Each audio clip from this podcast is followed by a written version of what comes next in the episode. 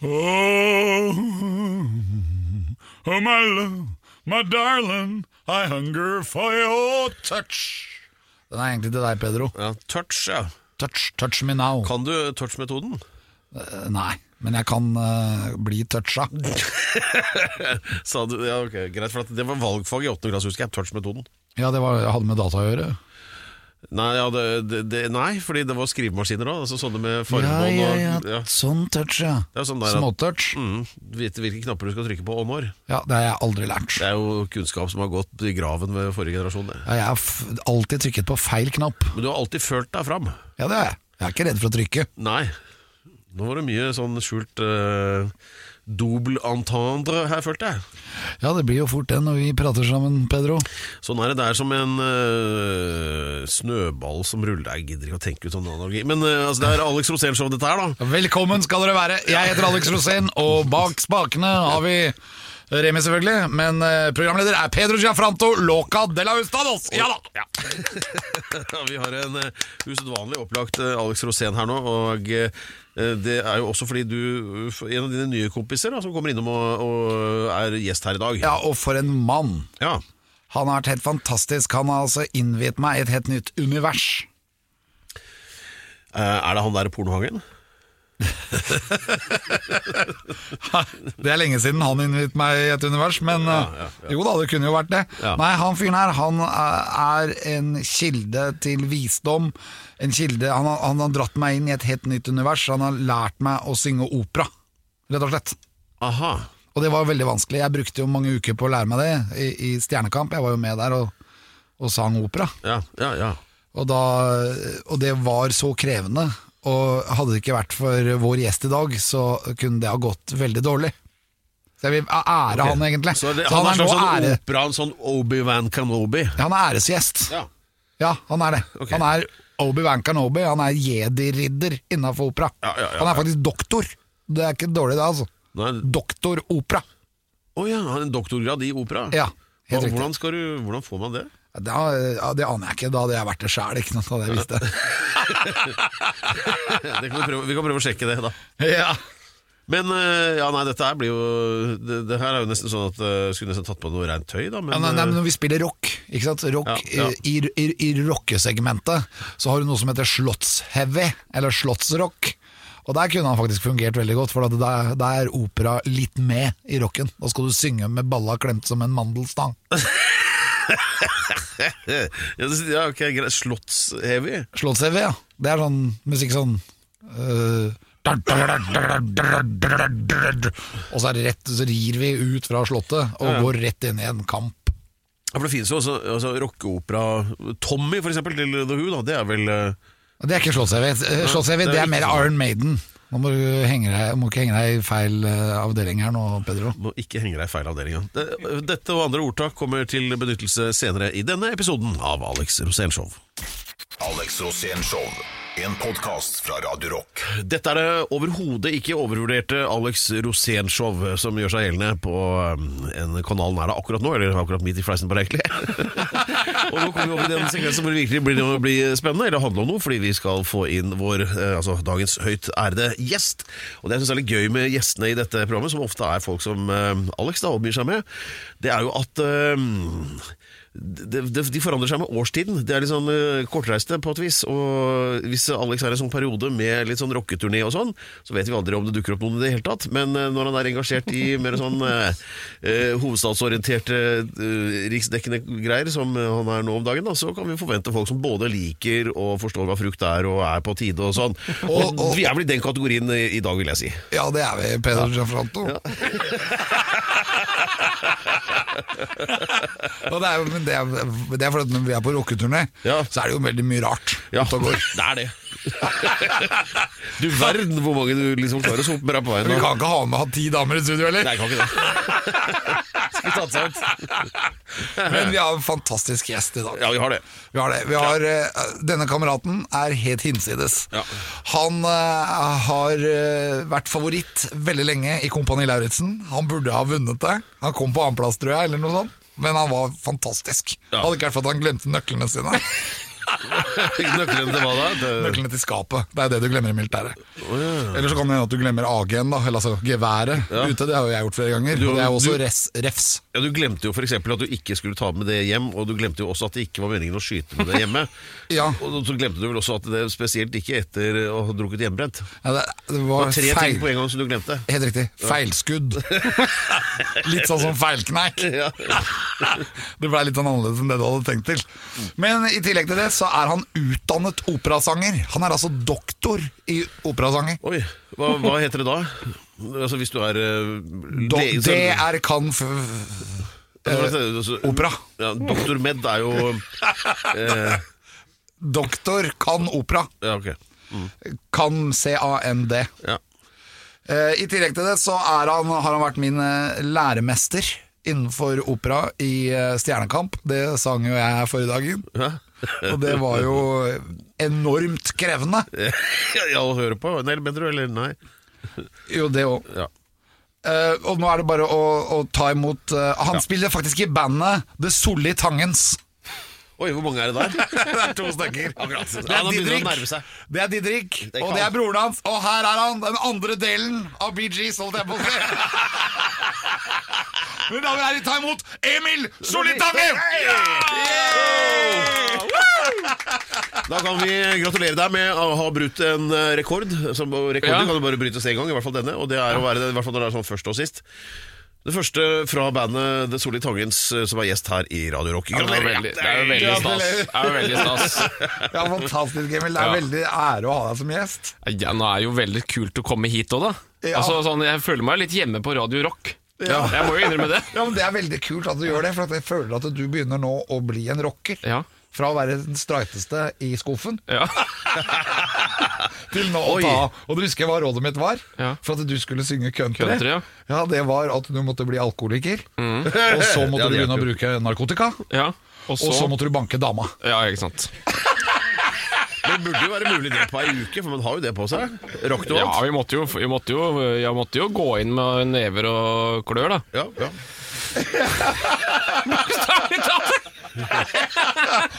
Ja, men Det er jo helt utrolig, for det er jo, det er jo mye, mye ved det å være artist er jo også å ha en slags erfaring. Ja, og det, er det, det, er jo, det er jo, i hvert fall før i tida så følte jeg det var image. Nesten mer enn hva det var å være artist, hvis du skjønner. Det er kanskje, nesten, nei, det er kanskje mer enn det nå altså, er- enn hva det var før. For meg, nei, det var veldig mye av det før òg. Ja, Jeg må si at jeg var veldig bra på image. ja, ja. Det, var altså, det å være countryartist, altså, det forpliktet. Altså, det, ingen var mer rocka enn countryartistene før i tida. Bare les biografien om George Jones, smørstemmen George Jones. Ja. Ja, øh, jeg vet ikke hvor vi skal begynne, men, øh, men øh, det, det er sånn, der står, står liksom eh, eh, gutta i The Who og bare 'I'm not worthy'. Fordi George Jones han visste hvordan han skulle feste, for å si det sånn. Oh, ja, ja, og han var jo smørstemme! Ja, med med. Merle Haggard òg, som fant ut at han skulle spille country når han så Johnny Cash når han selv satt inne i fengselet. og så kom Og Johnny satt Cash han i Folsom Prison, eller? ja, ja. Og så kom Johnny Cash og sang, og da fant du at å, det er det jeg skal begynne med. Jeg skal Ja. begynne å synge country. Har du hatt noen sånne opplevelser, Emil? Jeg hadde vel eh, Nei, jeg, jeg hadde jo liksom broren min som gikk for meg. Jeg var jo gitarist liksom først. Ja.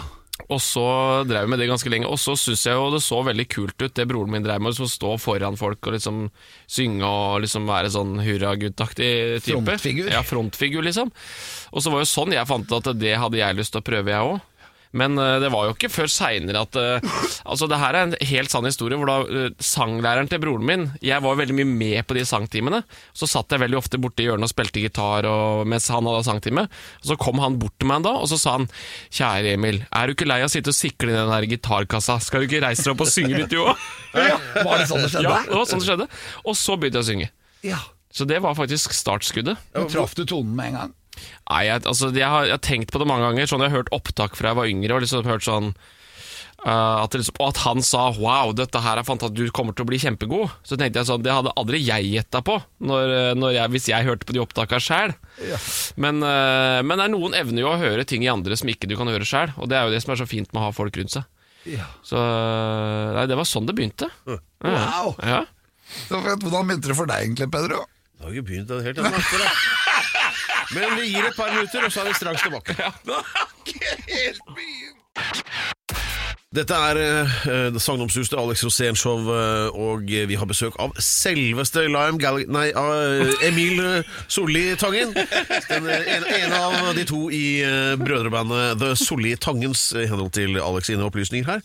Og um, vi fikk høre hvordan det oppsto plutselig, da, at han fikk beskjed av en eller annen musikklærer eller noe. Reis deg opp og ikke sikle mer i gitaren. Kanskje det var denne lærerens gitar. Og så kan du prøve å synge istedenfor, og det gikk visstnok veldig bra. Er det arvelig? Og det med synging Ja, Eller det var- da? Ja, det var, jo det, det var jo det faren min prøvde å finne ut av etter hvert. For at eh, han uh, syntes vel det var litt uh, merksnodig at han skulle ha to sønner som dreiv med det samme. Så at sånn eh, rundt 50-årsalderen så begynte han å prøve å ta sangtimer, han òg. Ja. Bare for å liksom finne ut av hvor opphavet kom fra, tror jeg. Ja. Uh, men om det var fra han, det tror jeg ikke han helt fikk slått fast. da Men, uh, men det var nå likevel at det liksom, jeg tenker at eh, det er nok mange som er født med en stemme som de ikke er klar over, for at de bare aldri bruker det. Så om det er genetisk eller ikke, det er umulig å si. Det, Det er sånn som Pedro. ja, Er det genetisk? Ja, Altså, arve, og arve det, altså, det går begge veier, ja. Det gjør jo det, for så vidt. Ja. Du kan arve noe av dine barn. Eller det vil si den sånn genetiske sammen, Ja. sammensuriumet er jo der uansett, da. Arv og miljø. Så det blir mer miljøarv, det da. Ja. Nei, for at det er jo noe med det at uh, noen er jo og det er jævlig irriterende, noen er bare jævla gode til å synge sånn uten å egentlig ha anstrengt seg i det hele tatt. ting, ja. for, for det kan jo skje. Ja, sånn var ikke jeg. Nei? Nei, jeg, kunne jo, jeg følte jo jeg kunne jo ikke synge. Jeg må- Jeg har jo måttet lære meg det. Ja. Men det er noe du ikke kan lære, og det er tonen. Ja, altså Du kan jo ikke lære deg å ikke være tonedøv, for eksempel. Ikke sant? Og det er jo artig. det, jeg vil si at det er like vanskelig å synge falskt hele tiden, sånn som bestemor ja, gjorde. ja. Hun sa alltid falskt. Ja, men Jeg har en kamerat som er sånn, og det er sånn vi sitter, og det jeg kan si til han si ah, Og så kommer du ut på andre sida. Og det er liksom alle tonene. Uansett hva jeg putter ut, så er det feil. Men det som er litt imponerende med han, er at han hører veldig godt hvis jeg har synget surt. Ja. Så han hører hvis jeg synger, men han- har null styring på sin egen stemme. Det høres akkurat ut som bestemora mi. Ja, det er veldig rart, altså. Og Hvordan det der foregår inni ens hode, det lurer jeg på, men eh, det har jeg aldri helt forstått. da Nei, for at du, når du har det fra fødselen av, hvis du har det tonegreiene, Ja. så er det jo sånn at du klarer å ta tonen med en gang. Ja, og jeg tror det er nesten som å Det er nesten som å litt sånn eh, En eller annen form for at du har et sånn Du har et sånn tonevater i hodet. Ja. Så tror jeg at du liksom bare Her er litt på skeiva, ja, da må vi rette litt opp, ikke sant? Og så er det noen som bare ikke har det vateret, e men tydeligvis da for egen stemme, da. Eller ikke syns det er så nøye. Ja, det kan jo, og det er jo mange av de som er sånn nå. Som bare Hele, ikke er sånn hele. Hellas, for eksempel. Har du vært der ute på sånne kroer? Uh, altså, all musikk i Hellas er, jo- de ser bort fra om, det er, har med, om de er innenfor hvilket tonespekter og sånn. De syns det er like fint uansett. Ja, og så har du jo han Demis Rusos, da, som uh, ja. er jo du Og så var det hans- der, altså, Hva som var den låta hans igjen, da? Er det Forever and Ever? Forever and ever Ja, ja. Og det var jo en Melodi Grand Prix-låt. ja. Han hadde mye gående for seg, han Demi Rousseau. Mest, Demi eh, Rousseau var det. verdens mest lodne vokalist. Men han øh, hadde deplassement som Stena Saga, omtrent. Ja. Det var som en kompis av meg sa her for litt, det var en kompis av meg som sa for litt siden om en en eller annen sanger han ikke syntes noe særlig om, så sa han han der hadde faen ikke fått jobb på Horten Moss-færre engang, altså. Så Stena Saga er jo et steg opp, da. Men du, har faktisk, du er ekstremt bra i å synge opera, og veldig flott. Du har vært læremesteren min, for eksempel, i Ja. Stjernekamp, og uh, tusen takk for det. Jo, det var jo bare koselig. det var det. Men du begynte ikke der. Nei, altså jeg begynte jo som gitarist da, ikke sant Og så fikk jeg gitar med sånn Jeg husker den husker jeg veldig godt Det var, noe, det var liksom sånn Da var jeg kanskje 5-6 Fikk en sånn Donald Duck-gitar Med sånn Donald og gjengen på, ikke sant Og så spilte jeg litt på den Og så la jeg det litt bort Frem til jeg ble en sånn 10, tror jeg Så begynte jeg å spille eh, Faktisk da klassisk gitar og så fikk jeg, husker jeg fikk en, min første elgitar, en sånn uh, Stratocaster-kopi, når jeg var en sånn, ja, kanskje sånn 11-12. Og så syns jeg jo det var, Jeg var jo veldig U2-fan Når jeg var eh, guttunge. Og jeg hørte på gamle platene som faren min hadde hatt fra han var uh, i ungdommen. Og så begynte jeg jo på den derre på Barat Due, på den musikkonservatoriet i Oslo. Men samtidig som at jeg begynte der, så begynte jeg også å spille i rockeband. For det var liksom egentlig alltid drømmen. Ja. Å spille rockeband. Da spilte jeg et sånt, litt sånn vestkystrockband som eh, vi kalte for Red Dust sammen med en del andre flinke musikere, skikkelig flinke folk, hvorpå jeg da spilte eh, egentlig mest bass og kora og sang litt, da. Og det var litt sånn, sånn eh, Og da spilte vi inn det på Bislett Bad. Vi hadde leilighet på Bislett Bad, og der, i det bygget var det bare én leilighet. Eller det er bare det enda. Og Den var på rundt 100 kvadrat, og i den leiligheten hadde vi eh, øvingslokale, vi hadde kinolerreter, og vi hadde bar, og vi hadde kortmaskiner, og vi hadde, vi hadde full feis i den leiligheten. ja Og der, vi, der var det sånn at en gang i uka så møttes vi, og så øvde vi to timer, og så spilte vi det bare rett inn. Det var aldri noe sånn det skulle spilles inn litt sånn søplete, men det var det som var litt av gamet. Ja. Så det heter Red Dust, og da hadde vi Det var rockeband. Sånn ordentlig rock, altså. Så det var jo det hørtes jo litt sånn Du sa, du sa vestkyst. Eh, Altså, er det sånn yacht-rock-kategorien, da? Nei, det er sånn, mer eh, litt sånn- eller Doobie Doobie Doobie Doobie Det er, Brothers? det er ikke sånn Det er ikke, det er ikke sånn øh, Hva heter det Det er ikke, det er ikke liksom sånn Det er ikke vestkystrock sånn, kanskje, men det er litt mer sånn Crossroads-aktig rock. Øh, litt sånn blandings øh, ah, Det er litt vanskelig å se, kategorisere det, egentlig. Men det var ikke death metal. Nei, det var ikke death metal. Men Du det har jo jeg vært ikke med Satan. Nei, men det har jeg jo også gjort mye. Jeg har jo vært veldig glad i det, vet du. Fra ja, jeg var det? guttunge. Ja, ja. Så kult. da. Hørte jo på Puritania-skiva til Dimme Borger når jeg var, det var vel sånn 11-12. Da var jo det veldig bra, syns jeg. Ja, det var vel ikke Var det du som sto og klora på døra nede på Neseblod og, og liksom Helvete-butikken og sånn? Nei, det var ikke meg. Det var ikke meg. Men, Jeg så liksom ikke den helt, men okay. men jeg har vært bestandig hatt en fot innen sånn Hjertet mitt har bestandig hatt en fot innenfor rockemusikken, av en eller annen merkelig grunn. Ja. Eh, hvor det kommer fra, det vet jeg ikke. du, der du, I dette lokalet du er nå, så behøver du ikke å forklare det. Det tas som gitt her. Ja, ja, ja. Nei, så det, det ligger meg litt sånn uh, lett for hånden, egentlig, det der med å ha liksom uh, rock, altså. Så, så den der klassiske delen av meg, den er liksom den der litt sånn Ja, den litt sånn streite delen av det. Og så har jeg jo føler jeg at jeg har mange lag. Ja, du har jo masse. Dette ante jeg ingenting om. Nei, ikke sant? Og øh, har jo i seinere tid blitt godt kjent med både øh, Silje Jenos og Shagrat i Dimme Borger, og har en, fot, en liten fot i det miljøet, egentlig. Gjort øh, litt, en par låter med de. Og, så jeg har liksom hatt ganske mye sånn Og syns det har vært kjempegøy. Syns det er så stas. Men Har du prøvd å spille skikkelig støygitar, da? Ja, men det har ikke en sånn ordentlig fuzz-pedal. Boks. Jeg har ikke en ordentlig fuzz-pedal. Jeg har bare en sånn, eh, sånn eh, boost eh, vreng Ibanez-pedal, en sånn grønn liten en som jeg bruker. Men det spiller jo Jeg syns det er veldig gøy å riffe. Og liksom Det er kjempegøy. Så fett! Ja, så Det gjør jeg mye, men det har jo ikke noe band å spille det med. Så det blir veldig mye at jeg spiller med opp andres låter når jeg er hjemme. For at eh, det, har ikke, det har jo aldri vært så mye penger i rocken. Men du må være med i Du kan være med i Young Dudes. Du er jo ung òg. Ja, faen heller, det er jo det jeg burde være. Ja, Vi er snakker om eh, bandet til Alex med, som altså The Young Dudes, da. Som jeg må vekke hver dag. Ja. Da kan nå begynner også, da Er det ikke Det skal jo bort på Rockefeller og ha en konsert Hva Var det 2. oktober? Stemmer Ja, det? er nå. Ja. Og, og er alle friske og raske i det bandet? Eller det er de jo ikke, men altså, kommer de til å Kan de spille? Ja, De er i hvert fall ikke friske og raske. Alexander Young der, og der, der er det vel egentlig plass til en som kan noe, er det ikke det? Jo. Det hadde vært veldig gøy. Du skulle jo hatt en, eh, vært med og spilt litt gitar eller noe. Det hadde vært Ja, det hadde vært så gøy å ha med én streit fyr. da. Ja. Ja, men Da hadde jeg kunnet stole på det. liksom Ja, ja, ja, ja. Emil, er dere der i morgen? Ja ja, da Ja, ja. veit jeg det. ja, for jeg er formann i bandet plutselig. Da, Ja, du blir formann. Det der, der, det er neste års store sånn realityshow. Ja, og hva Tenk deg hvor mye vi kunne gjort. da. Tenk deg den koringa og den der doblinga vi kunne gjort på vokal. Tenk så kult. Og du er lys, ikke sant, og jeg er baryton. Ja, det var en kompis av meg som jobber i noe TV-bransje som ringte og sa at hva med, skulle vi lage TV-program med deg og Alex? Det er jo en Ja. Det er kjempeidé. Lage sånne der, uh, Young Dudes så, så, så pluss Emil Sultangen et sånt prosjekt og prøve å sveise sammen en eller annen plate eller et eller annet sånt, og så Ja. lage det som et TV-program. Det var kjempekult. Ja, Det er jo det er helt enig. Det er veldig bra. Ja, det var kult. Og det er veldig bra med noen type konstellasjoner er utrolig fruktbare, rett og slett. Absolutt. absolutt. Nei, Det hadde vært kjempegøy. da Alex Rosén Show podkast.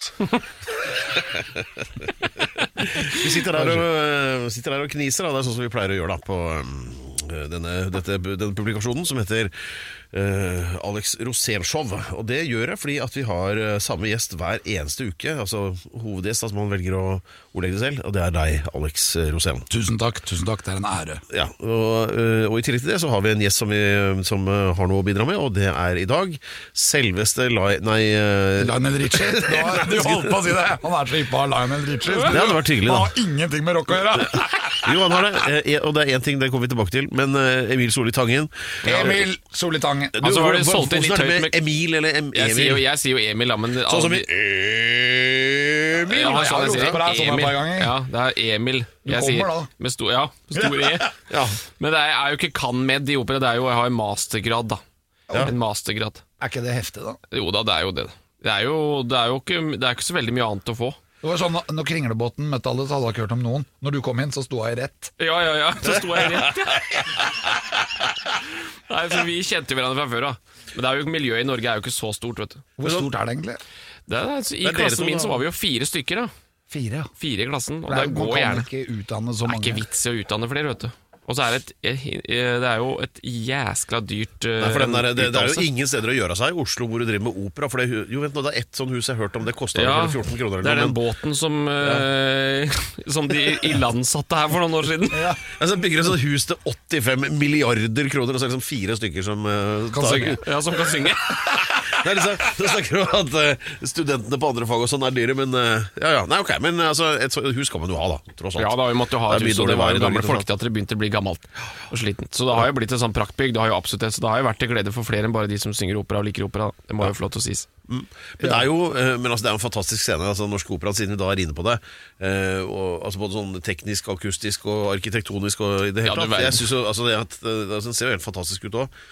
men, Men, men, ja. men det, det, det jeg tenkte liksom at øh, ja, hvordan, hvordan, går det med den operaen nå? Har de noe, Selger de noe billetter? Eller, altså, nå er det jo koronatid og sånn, så det er alt er Ja, nå er jo alt det ligger jo litt i men sånn jevnt over, går det greit? Jeg tror det går greit, men det er nok ikke Jeg tror ikke det er en sånn veldig pluss-institusjon. Nei. Men det tror jeg aldri heller var meninga. Det skal ikke være så snevert. Man kan foreslå ting for Norsk Opera. Man kan få satt opp ting der. Ja eh, for, de skal jo liksom gjenspeile hva altså det, altså kulturlivet per i dag, ikke 1788. ikke sant? Nei, ikke sant? Og så var det, det var jo en stor debatt det der om, de skulle, om skulle operaen i Bjørvika være kulturhus, eller skulle det være et operahus. Det var jo en stor debatt når de skulle slippe inn andre artister der som skulle ha konserter og sånn. Ja. Det, var jo, det var jo en kjempedebatt. Og det var jo litt, eh, litt sånn brannfakkel den gangen når noen sa at det her må vi jo alle få lov til å spille. Uh, og så var det en del som mente at eh, er, eh, dette huset er laga for å synge klassisk musikk i. Uh, og det var litt sånn Miljøet ble vel litt delt, tror jeg. Uh, men så har det åpna seg opp, og så har det blitt bare en fin greie. Og jeg tror også det har vært en ålreit, kall det inntektskilde for operaen, sånn at det ikke, ikke bare går i brakk heller. Men det er greit besøkt, egentlig, tror jeg. Altså. Men tenk, sånn, Hvis man har en sånn idé om øh, altså, Jeg er enig, må jo liksom ha en eller annen øh, interesse altså, Et eller annet du driver med, et, om det så er bare er noe teaterstykke, men det bare inneholder noe øh, samtidsmusikk, da, eller noe eller klassisk, eller et eller annet sånt, og, og du kan gjøre bruk av det svære sceneopplegget som de har der. og sånn Ja, Det er jo den mest moderne scenen vi har i hele landet. Det Ja. finnes jo ikke maken noe sted. Har du sunget der, eller? Ikke på hovedscenen, men på, det er noe som heter Scene 2, som er en ganske fin sal i operaen, det også. Men der har jeg hatt forestillinger et par ganger, da. Men eh, på hovedscenen er jo altså det er jo en sånn, Den scenen på hovedscenen er jo Den kan du jo Altså, Unnskyld meg, du har master i opera. Hva må du ha, og ikke har stått på hovedscenen Jeg på har operaen? stått- og Hva må du ha for å, for, for, for stå der, da? Du har stått der bare. Jeg har stått der bare. Nei, men det, det som er med Den Norske Opera, det er jo det er litt som jeg sa i stad, det er en litt sånn institusjon. Ja. Eh, både i form av ansatte og eh, de som eh, kall det frekventerer det, holdt jeg på å si. Det er mye, Eh, mye karakterer, tenker jeg, som jobber der. Absolutt. Og, og, og jeg ville antageligvis vært en av de hvis jeg hadde jobba der. Men det er sånn, eh, vi har faste ansatte der, i form av et operakor. Og så har du faste ansatte solister, og resten er på kontrakter, gjerne. da Sånn toårskontrakter eller sesongkontrakter og sånn. Eh, men de som er ansatte, altså faste solistene, de er jo ansatt på livstid. Ja. Og litt sånn som eh, vi har snakket om tidligere, så er jo pensjonsalderen er 52. Og siden du begynner å jobbe der, kanskje det er 35 eller noe, da, så har du jo 15 år plutselig, ikke sant? Og de, du, du blir jo ikke kvitt de. Det er ikke sånn at du kan gi noen sparken. Så de plassene blir liksom skifta ut med tid. Ja. Og jeg kjente for min del at jeg hadde ikke noe sånn veldig interesse av å vente 15 år med å få jobb noen plass, så jeg starta jo heller en sånn egen karriere og dreiv med hva, hva enn det blei, holdt jeg på å si, eller litt, litt mulig rart, alt mulig rart. Men har du stilt deg på liste, da? Nei, jeg, var, jeg, var, jeg søkte på en sånn praktikantstilling der en gang for mange år siden. Det var jo, jo 2013-2014 kanskje. Eh, men jeg ga vel aldri helt mitt ytterste for å få den jobben, for jeg hadde ikke noe særlig interesse av å være fast ansatt i i Norsk Opera, for jeg syns at det liksom Kall det begrensa meg litt som, eh, som, eh, ja, som artist og musiker, egentlig. Så, men, så jeg har jo drevet med alt mulig, alt mulig, eh, stort sett synging, da, men, eh, men egentlig litt sånn at jeg gjort konserter og fått lov til å gjøre all den musikken jeg vil, framfor å gjøre alt det midt imellom også. Som ikke alltid er like interessant. Ja. Men altså, øh, For å slå sammen alt det vi har snakket om, nå var det planer om å gjøre en plass for deg i Alex sitt band The Young Dudes også. Ja. Du må bli litt eldre først. For at, øh, vet ikke, hva, hva er nedre aldersgrense der? Men Den er, du, du, det er ikke Nå noe er jeg jo 30. Ja, du er 30, ja. Ja. Ja, ja, og da det- er det null problem. Det går greit, det De andre er også 30, de bare ser ut som de er 70. Ja. Men med deg på laget så går det vel an å få sp- gjort noen gigs der nede, tenkte jeg da, Alex. ikke sant? Ja, ja. Tenk det, Det ja. hadde vært veldig bra. Det hadde vært At de bruker dritkult. deg som spett Ja, ja. på opera. Sånn rambukk inn i operaen. ja, det hadde vært dødsfett. Ja. Jeg tror det hadde vært kjempe, kjempebra. What måtte can possibly go wrong? Nei, men når vi skulle synge opera, du lærte meg så mye. Ja, men han, det må jo, han var jo en svamp. Oh, ja. Og, og det var jo litt morsomt. eh, Og jeg tror det hjalp litt at han hadde At, at han var et sånn eh, At jeg liksom hadde en sånn utdannelse i det, og hadde liksom et sånt faglig grunnlag for å kunne si noe til den også. For det var, du var plutselig en autoritet. Ja, ja, ikke sant? Og det, på disse sangtimene som vi hadde, så var det sånn Vanligvis når du sang, så sto det jo helt vanlig, og armene gikk sånn som de skulle, og alt var sånn. Men når vi skulle ha sånn Jeg ba deg om å gjøre sånne vokaliser, sånne vokaløvelser, la, la, la, la, la, la, la, så så det ut som Alex var tilbake i gardeleiren på Så ble det sånn Heil-hilsen og Nei, det var, da sto han i rett, med liksom skistavene pekende rett opp bakover og Så det var litt artig, egentlig. Så det der, eh, det der hadde du jo ikke mista helt. Nei, nei, nei. Nei, nei, nei, nei. Man må, og så er det det å være ydmyk for noe, for at eh, opera er jo veldig teknisk vanskelig. Og, så må Ja. man, og da må man starte på bunn. Ja, det er jo en veldig krevende ting å, å begynne på, for alle. Uh, om du er, uh, om, og det har jo ikke noe å si om du er 50 eller om du er 20, på en måte. Nei, men det er For jeg hadde vært pensjonert, faktisk. Hadde Ja. jeg vært operasanger. ja, du fant ut at du hadde en var måned 52, ja. igjen. Ja, Ja. Ja. det er meg, det. omtrent. Ja. Du kan ikke søke på den jobben nå, da, får du liksom jobba i 14 dager. og Så. Tidens korteste karriere. For jeg blir min minstepensjonist. Ja. Ja. Ja, men det, nei, de har sikkert den feite. Akkurat som på Stortinget. Men øh, nå er det snart øh, eventyrstund om, om litt. øh, og er det noe vi kan Altså, hver uke så deler Alex en historie fra sitt mangslungne liv med oss andre.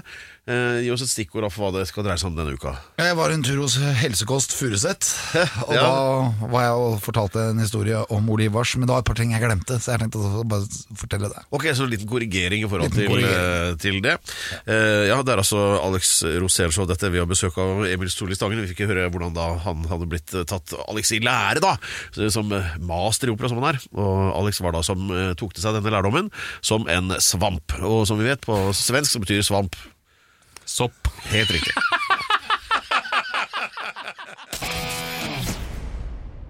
Dette er Alex Rosénshow, og vi har i dag besøk av selveste The Phantom of the Opera. Og det er altså Emil, for ikke å forveksles med broren. Broren har nemlig bare bachelor i opera.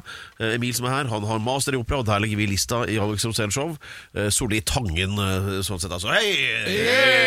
Du ligger faktisk foran broren din. Ja. Ja, han er vel flau nå. Men vi skal videre til det vi kaller eventyrstund her i Alex Rosénshow.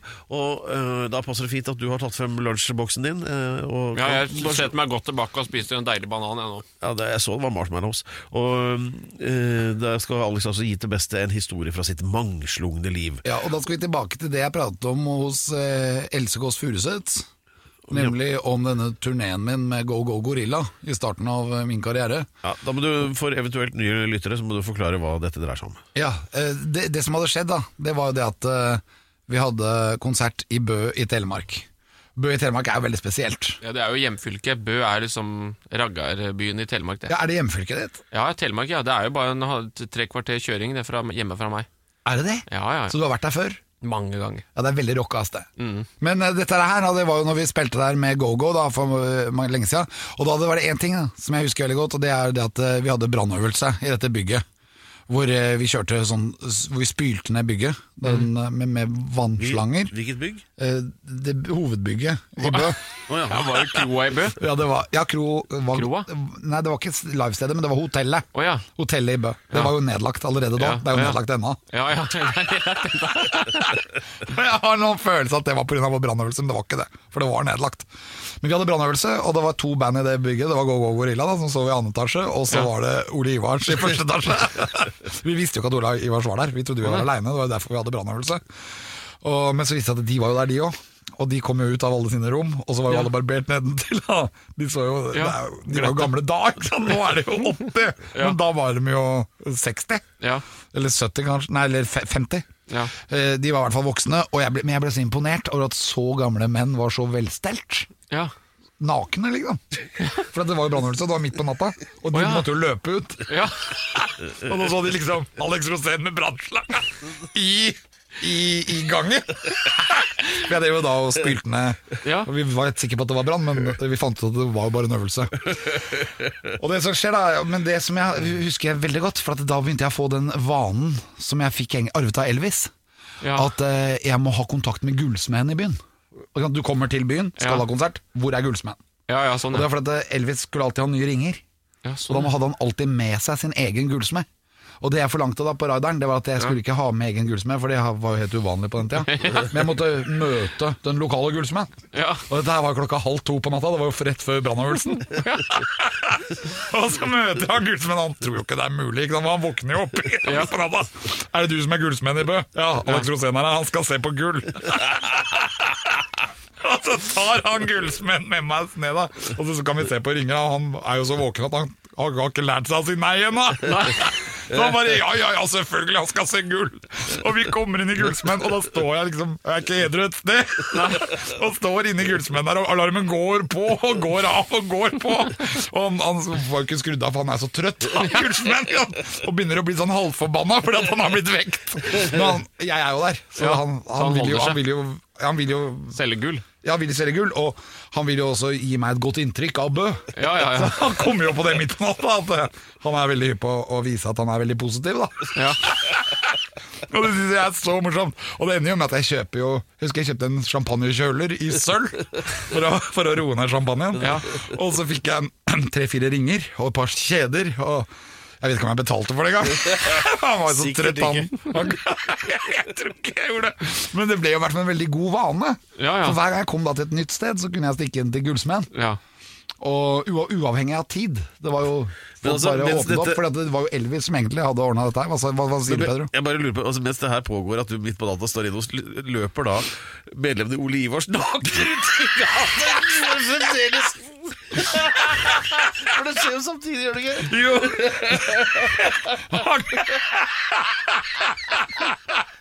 Saklig til, til Bø. Hele er vaser! I slåbrok. Ja, i slåbrok. de hadde ikke fått på seg slåbrok! De var helt nakne! Helt nybarbert. helt Ja. Jeg visste jo ikke, Det var jo før pornopung, ikke sant? jeg Ja, ja. visste jo ikke at man barberte penis. Ja, det her må jo være speidergutter, det, da. Ja, det var helt fantastisk.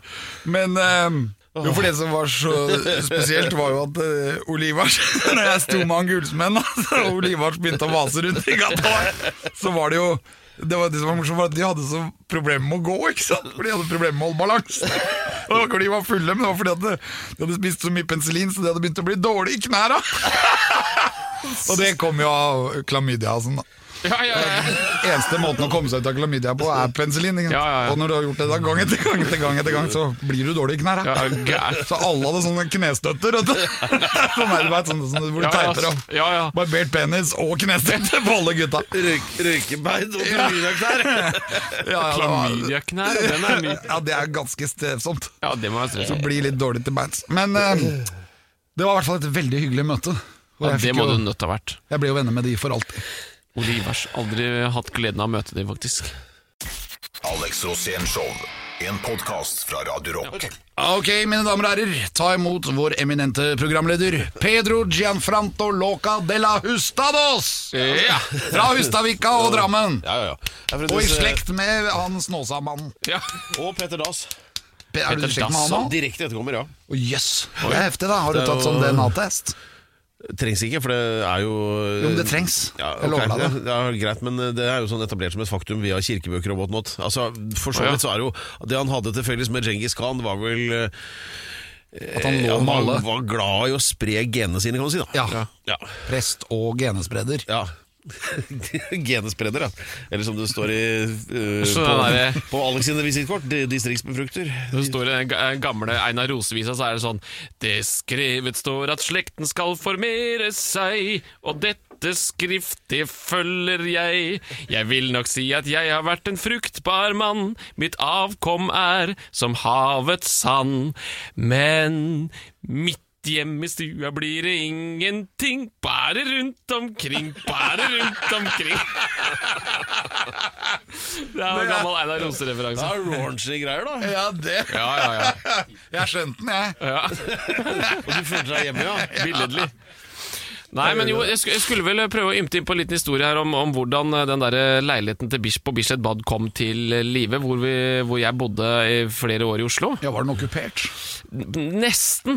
Altså på en måte, fordi det, var, det hadde aldri bodd noen der før. Og så var det der da vi kom over en annonse, broren min og jeg, på Finn, hvor det sto sånn Bislett Bad, 100 kvadrat leilighet, eh, bla, bla, bla, skulle leies ut. Og da bodde broren min og jeg sammen med en annen kompis oppe i Vidars gate på Sankthanshaugen, eller på, på Bislett. Og så ringte vi ned og sa at øh, Og da her var det i 2000 og jeg tror det var i 2010-2011, for da, var Didrik akkurat vunnet Grand Prix, og det, det var litt sånn på høydere enn det der øh, greiene der. Og så ringte Didrik ned den, på den annonsa og sa ja, hei, det er Didrik Sultangen, jeg sett den annonsa i, på der med den leiligheten. Og, og da blei hun litt sånn Å ja, å ja, sier du det? Ja. Veldig hyggelig at du ringer, da. Og, og syntes dette her var ganske stas at Didrik ringte. Og så blei vi enige om at han skulle komme ned på visning, og vi blei også enige om at jeg skulle holde meg litt i bakgrunnen, for at, jeg, at jeg liksom, han skulle få lov til å komme og være aleine på den visninga. Eh, og når han kommer ned der, så sier hun dama at ja, jeg skal være så ærlig å si at vi hadde egentlig lova bort denne leiligheten til noen andre, men når du ringte, så måtte jeg bare si til de andre hold an, vi må se om Didrik Solitang har lyst til å bo her først. Og da var det sånn, ja, men da, da tar vi inn. Og så flytta vi inn der, og da var jo altså, Det er jo også Det er så mange herlige historier fra den leiligheten, fordi de var jo i samme bygg som selve badeland, holdt jeg på å si. Ja, ja, Bade- Bislett Bislett Bad. Bad. Mm. Og det hendte jo til gangs at eh, de hadde jo glemt å låse dørene. Det gjorde de rett som det var. Eh, Det gjorde de rett som det var. Ja. Det var Eh, jo nesten en sexklubb. Inntil det bassenget. Ja, men eh, på natta, altså. Så det, vi, vi hadde jo Vi hoppa jo litt uh, i, i bassenget der nede sånn utenom uh, åpningstiden og hadde det, Jeg vet ikke hvor eh, Det er ikke så mange år siden, så kanskje vi skal la være å fortelle om det. Men det var jo en kjempetid, og det endte jo Vi fikk jo bot en gang også. Jeg måtte jo betale 15 000 kroner i erstatning på et eller annet greier der nede. Og nakenbading. Nei, Da var det at jeg hadde hatt med noe Da var det at hadde, vi hadde hatt nachspiel oppe i den leiligheten, og det var- hendte jo ganske ofte. Faktisk så ofte at jeg husker vi gikk hjem fra byen en gang, jeg og han andre som bodde der, etter hvert. Og så møtte vi noen på vei hjem fra byen, og så sier de 'Skal dere være med på nachspiel?' sier de til vårs. Vi kjente det ikke. Så var det sånn 'Ja, hvor skal dere, da?' 'Vi skal på Bislett Bad!' Vi skal på Bislett Bad på nachspiel i dag! Så bare sånn Å, skal dere Ja, det er jo der vi bor, det. Vi, det var sånn Det ble en sånn folk bare kom på døra der sånn i tre-fire-tida hver lørdag, så sto det alltid folk på utsida og ville inn på nachspiel. Så det- Ja, så det var veldig stilig. For der hadde jo vi da Vi hadde jo bar, og vi hadde sånn drinkmeny og alt mulig med kort Vi hadde betalingsmuligheter og alt mulig. Så der var det en fullt fungerende bule, altså, med, med bar. Ja, Vi har jo vært i Bislett Bad, vi òg, Pedro. Ja, og jeg holder grispraten din for deg sjøl, men uh, det har jo selvfølgelig skjedd. Det er jo, er jo et av de mest legendariske bada i Oslo, da. Ja, det er det. Fra 1923. Det er klart, det har jo vart en stund. Men så var dere det som snakka om For jeg kjenner den historien fra den andre siden, nemlig fordi det paret Ja. eh, som skulle ha Som egentlig hadde fått tilslaget på den, På og den skulle flytte inn der, og så kommer dere og Ja, nå er, siden det er Hilsen Grand Prix og Didrik Mm. Soltangen, så tar vi over bare og goodbye ut på gata. Eh, de hadde jo et nyfødt barn. De hadde det. Ja, Som eh, eh, nettopp hadde vært i, Det var vel den uka de kom da fra Radiumhospitalet, hvor de hadde fått vite at barn Det er jo sånn, vet, sånn lungekreft, den typen Ja. som Nei, bare Og så kødd, skulle det bare kødde med deg! Nå skulle du se fjeset hans! Jeg tenkte sånn at De skulle sikkert ha rommet mitt, tenkte jeg, for det minste rommet var barnerommet. Uff a meg. Det var bra det bare var. Ja, det var Pedro bra, det var bare tull. Ja, typisk sånn Pedro-tull, føler jeg. Mine damer og herrer, Nei, Pedro. nei, det var ikke lungekreft, det var jo, det var jo eh, kols. Det var kols. ja. Det var bare tull. Nei, men, eh, nei, så det var jo en eh, fantastisk tid. Og nå, nå bor jo broren til eh, hun ene i Stjernekamp bor jo der nå. Oi, Ja, broren til. Broren til hun ene Nei, ikke, nei, ikke, ikke, ikke, ikke deltaker, men eh, hun Johanne som jobber i Stjernekamp. Å ja. Ja, Broren hennes bor her nå. Så jeg blitt, burde jo egentlig vært oppom der og kikka og sett åssen det så ut der nå. ja. For før var det jo PA-høyttalere over hele bula der. Det er det nok ikke lenger nå, tror jeg. Dette her høres ut som en legendeleilighet. Ja, det var det. Helt fantastisk. Ingen naboer, vet du. Og aldri noen som kunne klage. Nei. Så vi kunne jo ha konsert i rockekonsert klokka fire på natta hjemme uten at noen sa noe. Å, det det jo det som var så deilig. Ja. Det er det jeg liker best. Ja, det var herlig. Det høres ut som hele 80- og 90-tallet, spør du meg. Det Ja, ja, du er heldig du, Per, som husker noe av det. ja, Ja. øh, Nei, eller har jo hørt litt, da. Ja. Hørt litt om det. Følt litt. Og heldigvis, det finnes ikke bildemateriale fra den perioden. For da, ja, det var før smarttelefonenes tid. Jeg har noen bilder. Så hva som er smart med de telefonene sånn sett, det veit ikke jeg, men øh, ja. Nei, det kan jo diskuteres. ja. Slapp unna et, bø- et bøtenivå som ellers ville vært helt utholdelig. Dette er Alex Rosén-show, eh, et formidabelt audiovisuelt fyrverkeri som finner sted en gang i uka. Og eh, den som har gitt eh, sitt eh, Eller som er det etymologiske opphavet til det hele, det er deg, Alex Rosén. Ja, det er det. Tusen Tusen og- takk. Ja, ja, og ikke minst eh, din uh, høyt ærede gjest, som i dag er De, eh, de, ikke Didrik, for det er broren. Emil Solitangen. Emil, Jeg min svarer på begge læremester i opera. Ja. ja. Emil. Ja. eh, og det jeg lurer på egentlig nå Det er jo litt sånn fremtiden, hva som skjer fremover med deg, hva, hva, hva du skal gjøre. Men aller først så lurer jeg på eh, hvordan er det med groupies i opera? Vet du hva groupies er? Ja, ja, ja, ja, ja. Jeg vet jo hva det er. Jeg har jo spilt litt i rockeband, og det er klart øh, Drømmene var jo alltid der. Så, men nei, det har jo bestandig vært dårlig med det. Du vet, altså, det, jo, eh, det som er litt sånn dumt øh, med opera, er at øh, det er jo et veldig litt, Det er jo et eldrende aldrende publikum. Er det det? Ja, Det kan jo hende at det nå begynner at ting ser litt annerledes ut. Altså, Jeg hadde en kollega av meg en gang som sa at uh, Han sa det ikke riktignok på scenen, jeg husker at han sa det når han sto og titta ut på publikum. Så sa han at det, det var som å se ut på en eske med sånn Johnson Johnson q-tips. For det var liksom bare sånne ulldotter som satt liksom på rekke og rad bortover. Og det var, har jo vært eh, til gangs. For all del, jeg er jo veldig glad i publikummet mitt, men jeg har jo faktisk sett at de siste, de seinere åra så har det jo blitt flere og flere unge som faktisk har begynt å komme på de konsertene til både broren min og meg, da, og det er jo veldig hyggelig. Ja. Men eh, så langt i min karriere så har det jo vært dårlig med sånn groupies og sånn. Altså. Det har vært dårlig, for det har jo dårlig med backstage også. Så da er man liksom eh, Man er på scenen, og det er dårlig med Det er lite drikking av dovent øl og Nå har du fått deg skikkelig bra rider, da. Du kan jo putte inn backstage i rideren. Ja, ikke sant, Rideren min har jo i alle år vært Farris og, og Farris og Earl. Grey, ikke sant? Så det har jo vært uh, dårlig med det. Men jeg husker jeg gjorde en gang en gig for eh, gode gamle Stein Erik Hagen, og da sa jeg at jeg har med meg et par gutter som er litt De liker å ha seg en øl, sa jeg. Og da fikk vi jo et kjøleskap fullt med Ringnes, og det var jo veldig stas, da. I og så, så husker jeg han sa at han, skulle, han ville bare beklage backstagen litt. grann. Og det her var jo ikke Stein Erik eh, som vi snakka med da, men det var da eh, rett og slett butleren til disse her. Vi har jo butler alle sammen, ikke sant.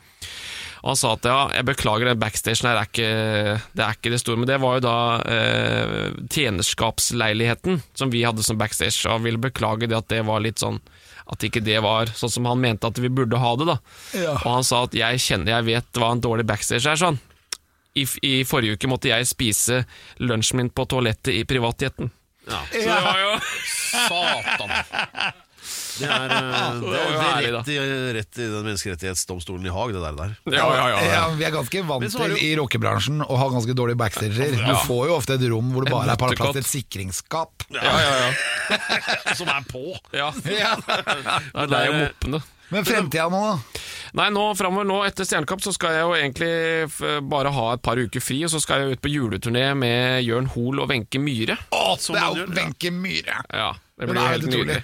Ja, det blir jo helt nydelig. Ja, akkurat som mora mi. Hver gang jeg ser Wenche Myhre, tenker jeg på mamma. Ja, ikke sant? Flott dame. Jeg vet ikke hvor hvor gammel Wenche Myhre er blitt nå. Ja, Er, men det, du spør ikke om det, vet du. 66. Er det, ja, hun har er vel kanskje 66. Ja, ja, Da var jeg på turné med henne, faktisk, når hun ble det. Var det det? ja? Ja, Det er ti år siden. Men hva med, hva med bandet, da? Det ble jeg litt nysgjerrig på. Ditt uh, vestkystband som du Ja, valgte det å kalle består jo Red av, Dust. eh, Du, det- forresten! Ja. Er det uh, Red Dust uh, Det er den filmen med Clark Gable det, fra 30-tallet. Clark Gable, han har faren min sagt at jeg ligner på hver gang jeg har bart. ja, men du, altså, er det Ja, men du gjør det. Du ser veldig ordentlig ut. Ja. Det er, det, er, en kompliment for øvrig, men, men er det er ikke, åpenbart ikke derfor det bandet heter Red Nei, Dust. På grunn av den filmen. hvorfor det heter det? Det er det var, regissert av Victor Flemming, tror jeg. Ja, nei, det er ikke derfor, det er jeg ganske sikker på. Eh, men det var jo min gode venn Jan Birger Akerhaugen, som er sånn eh, Rockerhaugen-type fra Akerhaugen. Ja. Eh, og det er jo et sånt sterkt eh, musikkmiljø egentlig på Akerhaugen i Telemark. Og så var det da eh, Jan Birger, og så var det en kar fra Notodden som het Fredrik Kaasa.